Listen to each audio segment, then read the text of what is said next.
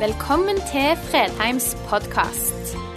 For mer informasjon og ressurser, besøk oss på fredheimarena.no, eller finn oss på Facebook.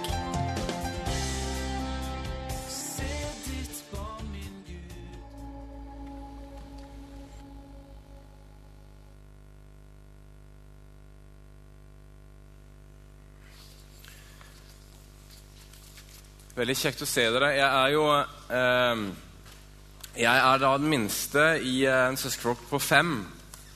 Og vi eh, Jeg får ofte høre det i, eh, når jeg er i familiesettinger med mine søsken, at jeg har på en måte fått det enklere enn de andre, for alle andre på en måte har måttet gå igjennom. Eh, foreldrene mine har på en måte tilpasset seg litt på en måte oppdragelsen, og så har jeg på en måte slept lettest igjennom, for da har jeg måttet finne ut hva som ikke funka, og hva som funka, til jeg kom og jeg slapp blant annet, Jeg tenkte på det, jeg sto her i stad. Min, min, bror, han eh, som er 18 år eldre enn meg, det eldste mannen, da, eh, det har vi snakka mye om han, hvordan han måtte smugle ned de her eh, platecovera sine ned i kjellertrappa, kjellervinduet. Det var mindre, så ikke pappa, som da var emissær, og det her langt tilbake i tid, skulle gå ned for å finne disse covera og så på razziaer.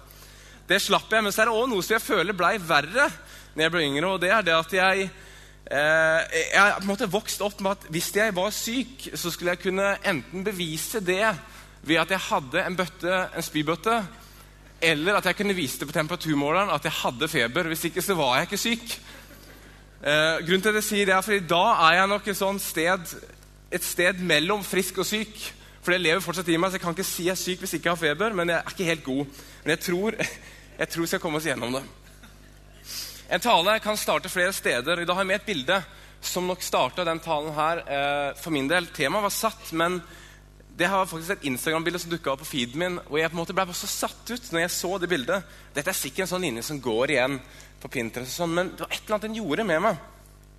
Og jeg tror nok, og det som det står, så står det So many years of education, yet nobody teaches us how to love ourselves. Så mange år med utdannelse likevel ingen som lærer oss hvordan vi elsker oss selv.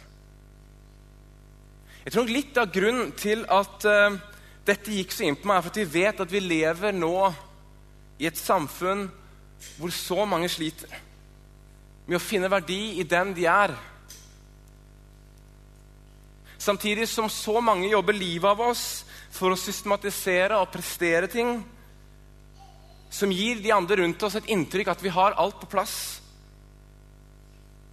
Men så kan likevel sannheten være det at de som ser mest, mest vellykket ut på utsiden, kanskje er de som er mest tomme og usikre på innsiden. Bare i det å være. Og Da er det lettere å heller peke på alt det jeg har fått til, så jeg slipper å peke innover og vise hvordan jeg egentlig har det på innsida. Når vi snakker om det å være skapt i tilknytning til identitet i kirken, og som kristne, så tenker jeg dette er midt i vårt budskap. Hvis vi ikke først hjelper mennesker til å elske seg selv, så vil vi ha problemer med å nå inn med noe som helst annet. Fordi vi bærer med et budskap om en Gud som ville oss, en Gud som elsket oss, en Gud som skapte oss, en Gud som ga seg helt for oss. Men det vil være veldig vanskelig å formidle hvis jeg stopper med det at jeg ikke klarer å elske meg selv. Da vil alt, alt, alt andre bare være ord. Du skjønner, Det er grunnleggende for uh, vår verdi. Og som igjen da tenker jeg grunnleggende for vår identitet, at vi er skapt.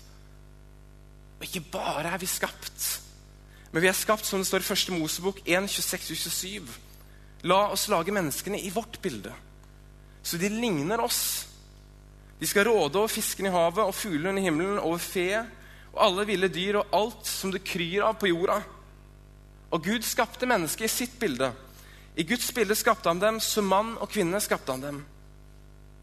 Og Hvis ikke det er nok for dem, så avslutter han da denne dagen med å si som han sa den andre dagen, Gud så på det han hadde gjort, og se, det var svært godt. La oss bare stoppe et lite øyeblikk der, da. Vi er altså skapt Det betyr at himmelens og jordens skaper ville meg. Ikke bare er vi skapt, men vi er skapt i hans bilde. Og Det betyr at vi bærer altså en stor likhet med Gud sjøl. Ikke misforstå meg. Jeg sier ikke at vi er Gud, men når han skapte deg, så brukte han bildet av seg selv til å sette deg sammen. Han var også da svært fornøyd med dagens kreativitet etter han var ferdig.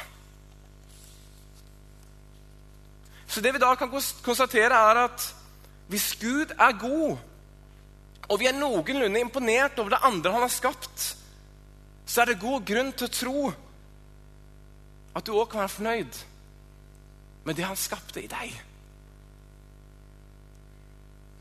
Men det er godt mulig det ikke kommer til å overbevise deg. Kanskje tenker du på samme måte som jenta som var på besøk hos en sjelesorger, som jeg leste om. Som nettopp hadde, Sjelesorgeren har nettopp prøvd å dytte inn best du kunne, at vi er skapt i hans bilde, og at det er der din verdi ligger. Og så får hun som svar 'Jeg hører hva du sier'. Og Det er ganske tydelig tilbakemelding på at hun har fått med seg hva du sa, men det har ikke gått inn. Så la meg prøve litt til, da. Hvis noe av det du ser rundt deg, enten det er natur, dyr, blomster, imponerer deg, så vit at den teksten som handler om skapelse, så putter Gud menneskene over alt det andre til å råde over det. Forvalter det så han kroner altså alt det han har skapt, med menneskene. Med meg og med deg. Og Hvis vi beveger oss inn i kapittel 2 i Mosebøkene, så finner vi skapelsesberetningen igjen for andre gang. Denne, denne gangen står det litt annerledes. Jeg syns det står enda vakrere her. Eh, denne gangen står det i vers 7. Da formet Herren Gud mennesket av støv fra jorden. Han blåste livspust inn i nesen på det, og mennesket ble en levende skapning. Forteller, den teksten forteller så mye om opphavet vårt. Og hvordan det både er jord men så er det definitiv og ånd og liv. Han blåste sin livspust inn i oss. Og det var det som gjorde oss levende, og det er det som holder oss levende den dag i dag. Jeg er ikke bare satt sammen av materie og jord, selv om jeg også kommer derfra. Men jeg er i høyeste grad den jeg er fordi han blåste sin livspust inn i meg. Han ville meg. Han ville at jeg skulle ha liv. Så du ser det er mange biter, avtrykk og likheter med det guddommelige i oss. Og det gjør at jeg tror vi får enorme problemer hvis vi plasserer identiteten vår et annet sted enn hos Han som skapte oss, og som både rommer det skapte, men også det evige og det guddommelige. Hvis vi plasserer identiteten vår i det skapte, så kommer vi til å komme til kort. Fordi det er òg noe evig i oss.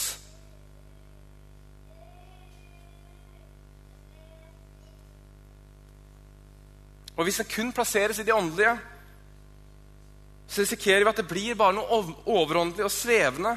Og vi mister bakkekontakten med det vi er formet av, som er jord og støv. Helt siden kirkens begynnelse har dette vært en case. Noen nedvurderte det kroppslige til det ekstreme og sa det at vi er fanget i en kropp. Kroppen er nærmest et fengsel som vi må komme oss ut av. Mens andre strømninger igjen overvurderte det kroppslige Alt etter hvilken filosofisk retning som kirken ble påvirket av. Og Den samme diskusjonen gikk jo da inn på Jesus' sin natur. Er han virkelig menneske? Eller er han virkelig Gud? Men kirken lander igjen og igjen og slår fast at vi må ha med begge deler for å få et sunt og riktig bilde. Mennesket er ånd, sjel og legeme. Og det gjør òg noen vurderinger med våre vurderinger i livet. Å bare dyrke det åndelige og konsentrere seg 100 der, mens en glemmer ens kropp, behov og har problemer med å forholde seg til kroppen sin, er å bomme på målet. Like mye som de som dyrker kroppen, men de glemmer at de også er åndelige vesener. Og ikke gi den delen fokus i det hele tatt. Både det med å ha problemer med å forholde seg til kroppen sin, nærmest avsky den, eller det å glemme hvem du er, hvem som pustet sin ånd inn i deg, hvem som holder deg i live, er begge dårlige utgangspunkter for en balansert kristen identitet. Fordi vi er både og. Og Det er en utrolig interessant spenning der mellom, som igjen henger sammen med at vi er borgere av to riker samtidig. Jeg står her på jorda nå, samtidig som at jeg vet også at jeg har borgere til himmelen. Jeg vet at det kommer noe mer. Jeg vet at jeg er elsket, jeg vet jeg er skapt, jeg vet jeg har blitt pusta en i. Som ikke tilhører denne verden.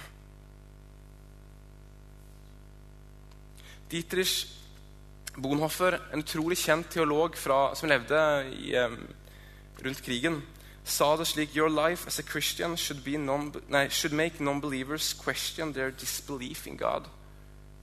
Ditt liv som kristen skulle få ikke-troende til å stille spørsmål med sin mistro til Gud.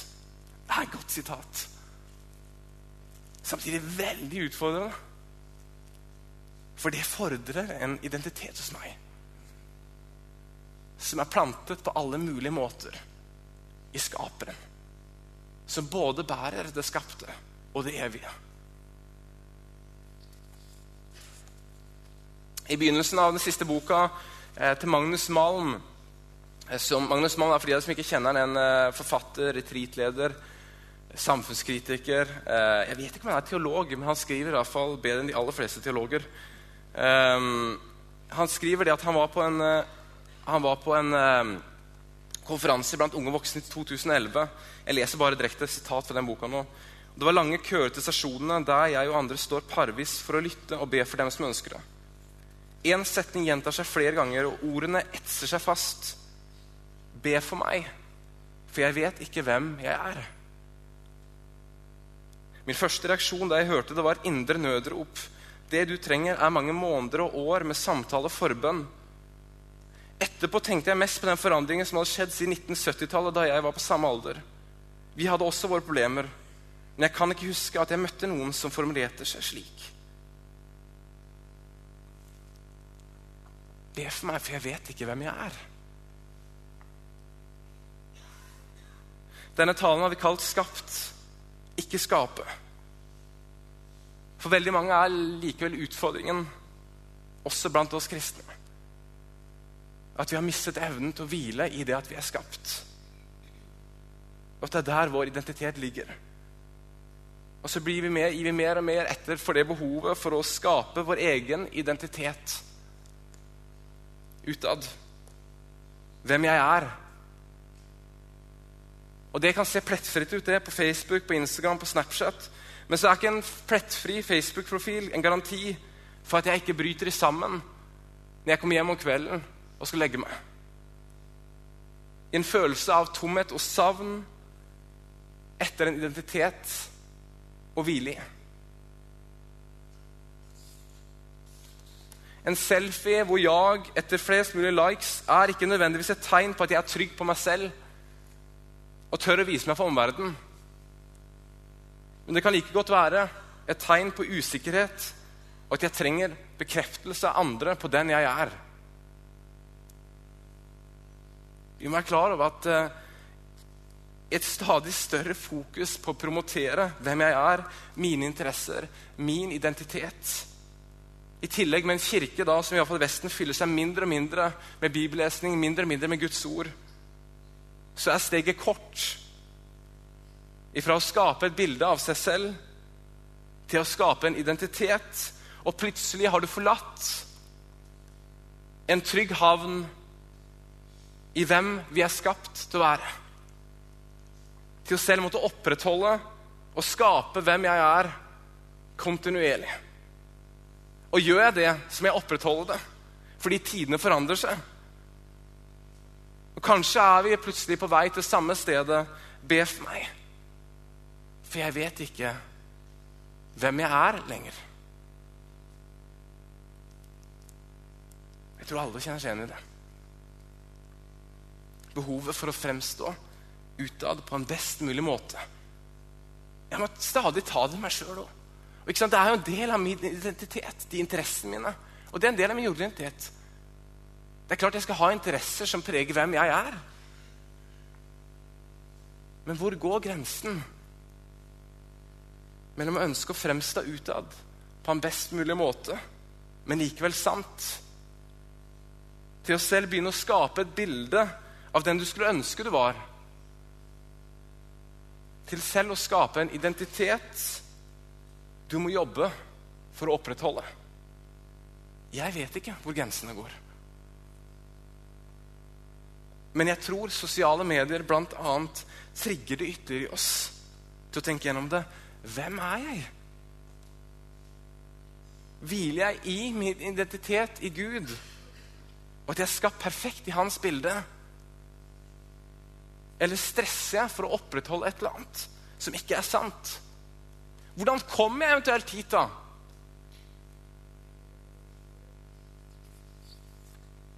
Oddvar Vigenes, som sikkert noen av dere har hørt om, eh, han eh, var bl.a. med i det programmet Vårt lille land.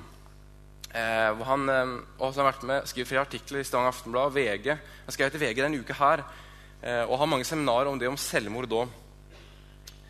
Og Vi hadde nå på en sånn opptreden her på kickoffen for frivillige medier for halvannet år siden. Han, jeg kjenner ikke Oddvar godt. Jeg har bare truffet noen få ganger. Men det er jo en jeg skulle ønske jeg ble kjent på for lenge lenge siden, for han er jo så enormt morsomt. Han er den eneste jeg har truffet som har kjøpt med seg en smågodtpose til et halvmaratonløp, som han da tok med seg ut i løypa.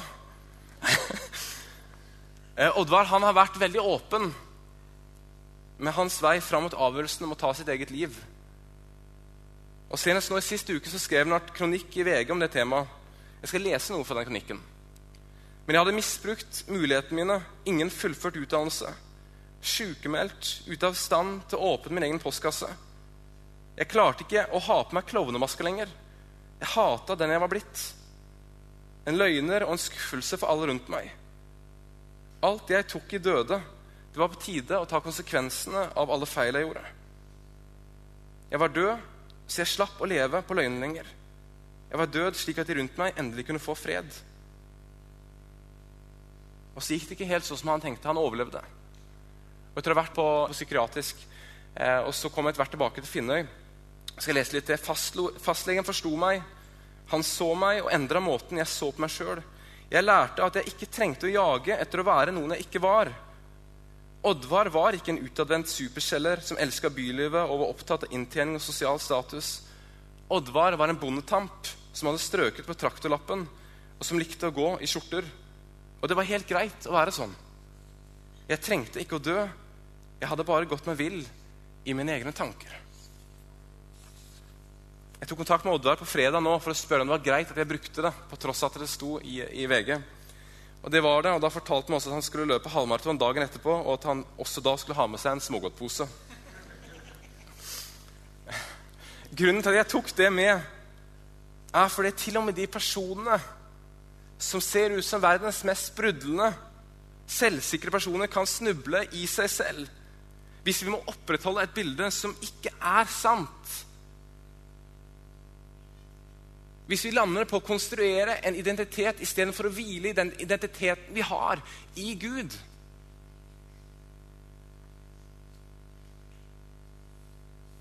Hvis vi står ansvarlig for å opprettholde og drive en markedsavdeling for vårt eget liv for den jeg er, så blir det tunge bør å bære.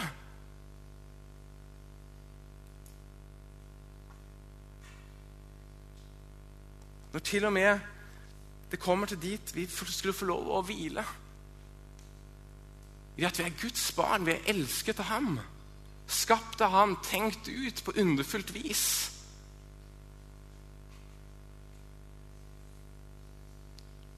kanskje hiver vi oss for fort på tanken det er du som velger, du fortjener det, realiser deg selv. Ikke la noen tråkke på deg. Bli ditt ekte jeg, bruk dine egne ressurser. Men vi risikerer likevel at sluttresultatet ikke blir helt sånn som vi hadde trodd det skulle bli. Sånn som det blei på TV. Men det blei mer og mer en som blei usikker på seg selv, på hvem han egentlig er. Hvilken betydning får det ikke at et maleri eh, er malt av eh, Munch, Picasso eller van Gogh? Det får en betydning for det bildet uansett hvordan det bildet ser ut. Du kommer aldri til å begynne å viske over det bildet og male noe sjøl. At du er ikke så godt det bildet. Male heller noe eget over det der lerretet der. Du kommer ikke til å gjøre det.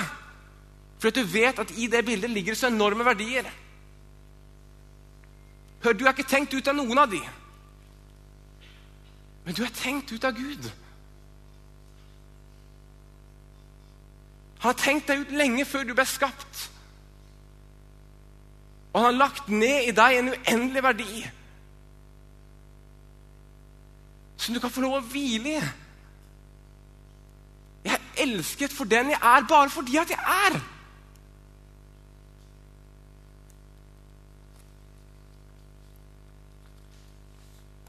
Vi hadde aldri malt over det lerretet hvis det var en av de. Likevel står vi stadig i fare for å gjøre det når det kommer til vår egen identitet, vårt opphav, vår grunnmur, hvem jeg er. Så mange år med utdannelse. Likevel ingen som lærer oss hvordan å elske oss selv. Hvor har du plassert din identitet? Og hvordan har du det med deg når ingen andre ser? Jeg har ingen forventning om at denne talen plutselig skulle få deg til å elske deg sjøl hvis du ikke gjør det. Eller at den alene skulle snu opp på noe som helst. Men jeg håper den kan få deg til å stille noen spørsmål. Hvem vil jeg være? Hva skal være grunnmuren i min identitet? Vet jeg egentlig hvem jeg er? Og hvis han elsket meg så høyt, så fortjener jeg kanskje å bli elsket av meg selv også. Jeg skal lese to nydelige bibelvers for det Så i Salme 22, eh, 10 og 11. Du dro meg fram fra mors liv. Du gjorde meg trygg ved hennes bryst. Fra jeg ble født, er jeg kastet på deg. Fra mors liv er du med Gud. Åh, det er nydelig vers, ass. Fra jeg ble født, er jeg kastet på deg. Fra mors liv er du min Gud.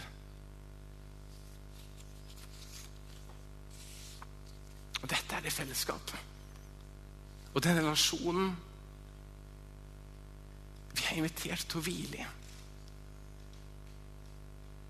Til å slå røtter i vår identitet i. Bare det å være og det å være kastet på Gud. Og stole på at det holder. Jeg trenger ikke alt det markedsavdelingsgreiene.